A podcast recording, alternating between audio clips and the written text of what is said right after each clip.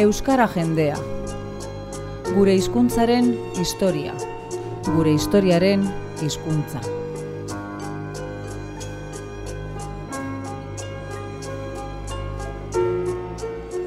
Izen bereko liburuaren egilea den Xamar ikertzaileak, Bilbo iria irratian Xavier Monasteriorekin, solasean pasarte laburretan aurkeztu eta azalduko diguna. Euskaldunok gure historia hobeto ezagutzeko.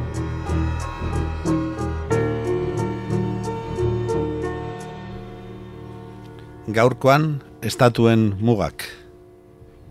Horrelako ariketa bat egingo bagenu, esku batean Europako estatuen eh, mapa bat hartu eta bestean Europako kulturen mapa hartu, seguru asko xamar, kaixo agurtu egiten zaitut bide bat. Bai, kaixo, Xavier.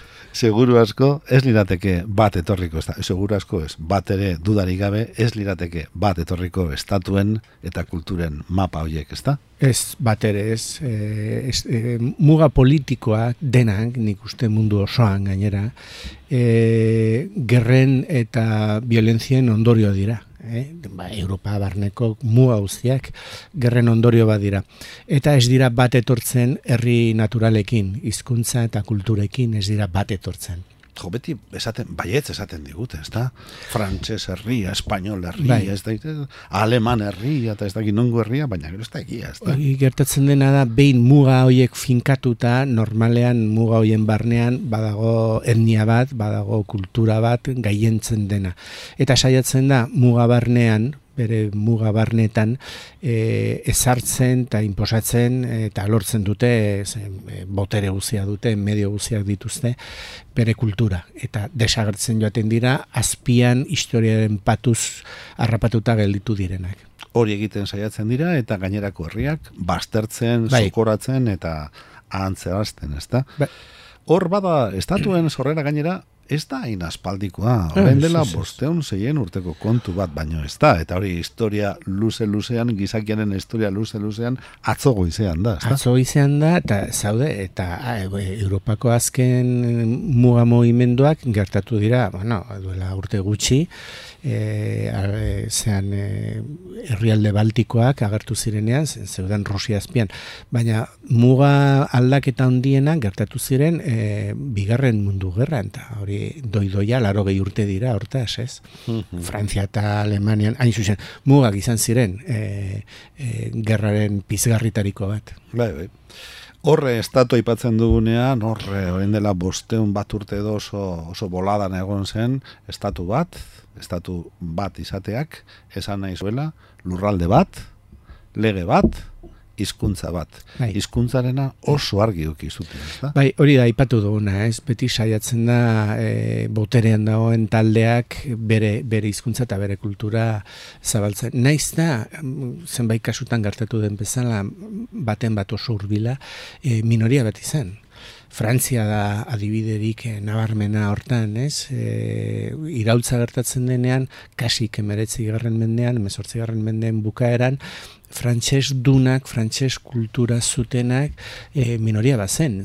Frantses estatut barnean, gehiengoa mintzo zen oksitanieraz, beste puska batean e, katalanez, euskaraz, bretoieraz, alemanes, e, denetarik zegoen. Eta frantses kultura Paris inguruko Lille de France hortik heldu zaio ba, izena.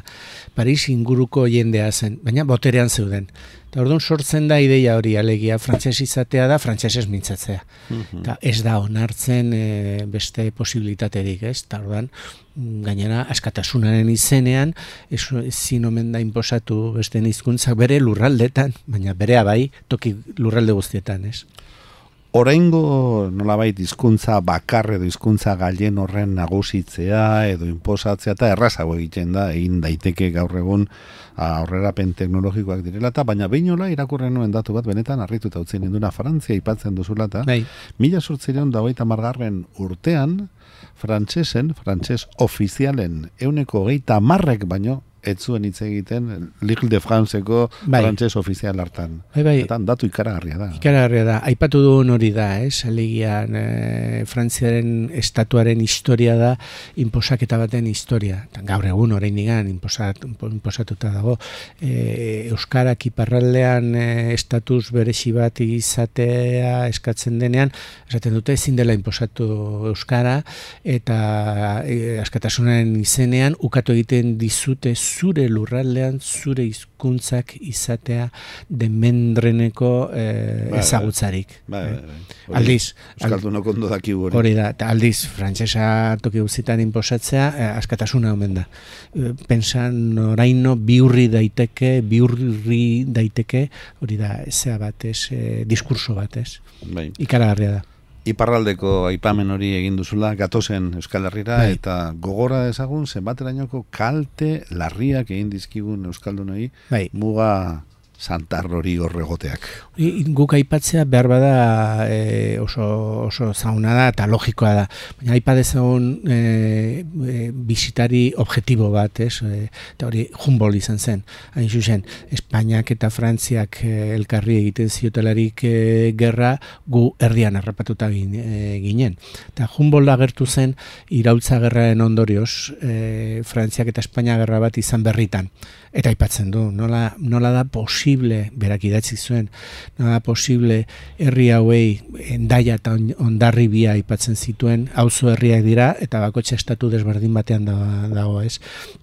Nola posible arrotz estatuen interesek burruka e, behartzea auzo eta askotan familia diren e, jendea, ez? Eta hortaz kexu zen, eta uhartzen zen, ba, nola behartuta egon ginen elkarri burruka egitea e, gureak ez ziren interes batzuengatik. Eta mugaz alde batean zein bestean e, dagoen kultura bat bera izanagatik ere, muga ofizial bat ezartzen den egunetik, alde bateko eta besteko desberdintasunak areagotu eta potentziatu egiten dira, ezta? Bai, denborarekin bai. Nik barkatu, eh? espadaukat, erraz, egoaldeko nebarrebekin egotea, eta haien kulturaz partaide izatea, azkenean, nola bait, e, sokoratu edo egiten bai. egiten naiz eta eta neure neure satiaz bakarrik gelditzen naiz. Zati bat galdu egiten dut. Eta hori nositu dugu euskaldunok. Bai bai denbora eta nositzen dugu. Nositzen dugu eta denborarekin ala gertatzen da ez? Gertatzen dena nik uste eta gainera e, muga herri batekoa naiz e, eta zautzen du familian barne hasita ez? E, naiz da momenturik gogorrenetan ere, muga erabat ertxirik zegoelarik ere, bazegoen mogimendu bat. Eta bazegoen mogimendu bat, arrazoi simple baten gatik, azteko kultura eta hizkuntza bereko egizanik oso erresa zen. Ez duzu frantzesa ikasi, ez, ez zenuen frantzesa ikasi behar, bai parraldera joateko lanera edo egualdera etortzeko. Ez. Eta hortaz ere, aipa dezagun, baliatu izan dugu muga ies eh, egiteko sistema bezala e, arazoak egualdean zeudenean e, askok ies egiten zuten iparraldera eta iparraldean arazoak zeudelarik egualdera etortzen ziren iesean ez. Hori gertatu da eta, eta bueno, ba, hori ezin ukatuzkoa da, ezta? Baina gainera kulturan e, inoiz e, zure artikuluetan, zure liburutan irakurri dugu, ego eta iparraldearen artean berezko harremanak egon dira bai. betidanik, osea, mendiaz alde batekoak eta bestekoak, ba, larre kontuak, bai. abere kontuak eta oso naturala izan da betidanik eta eta hori ere moztu digute. Bai, bai, bai, bai, hori hori izan da, ez? E, zaildu bederen e, mm, akordio bat auzuen artean akordio bat, ba, adibidez, e, aezkoa eta garazi auzo dira, bakotxe estatu batean dago eta larren erabilpena hartzaien larren erabilpena e, e, finkatzeko ba, joan behar da elkarri e, egiten zioten hitza eta elkarrekin e, moldatzen ziren hitzarmena, baina gero hitzarmen hori eraman behar zen Parisera eta Madrilera han onar zezaten. e, ikaragarria zen, eta batzutan arazoak sortzen ziren, ez? Bitu nik dut e, paper zar batean aski aztuta, anaiak aurkitu zuen e, artxibategi batean, ba, aezkoak suberoarekin, zuberoarekin, provintzia osoarekin, e, akordio komerzial bat egin zutela, justo konkista gertatu berrian, amasei garren mendean, esan ez, aezkoako produktuak libre ibiliko direla zuberoan, eta zuberoko produktuak ekoizpenak libre ibiliko zirela, eta Madrilen e, ukatu zuten posibilitate hori. Eta esan zuten, ez ez da posible guk ez dugu maimen horri ematen. Orduan, orduan e, hau zuen arteko akordio bat Madrilek eta Parisek e, debekatu zuten. Ez. Beti egin izan duten bezala. Bai. Gatozen orengo Europa, Europa batu honetara, bat, batuta omen dago edo. Bai, bueno, omen, omen. e, orain, xamar, esaten digutenez, ez omen daukagu mugarek? Esumen daukago biztan, e, nahi balen baduzu, baina evidenteki e, funtzionatzen du beste gisa batean. Osea, e, luzaiden biziden batek e, izugarrizko interesa du eta goa nahi ala ez espainola ikasteko. Aldiz, iru kilometro aratago e, e, arnegin bizidenak e, ez du hainbeste interesik espainola ikasteko aldiz gogo eta interes bizia dauka frantsesa ikasteko zer gertatzen da iru kilometroietan? Ba, mugak irauten duela. Dutari gabe. Bueno, mugak, muga politikoak biti izan dira traba, ostopo, debeku, sakrifizio eta madarikazio ere bai, eta Euskaldunok horren berri zehatzeatza badaukagu. Alaxe da bai.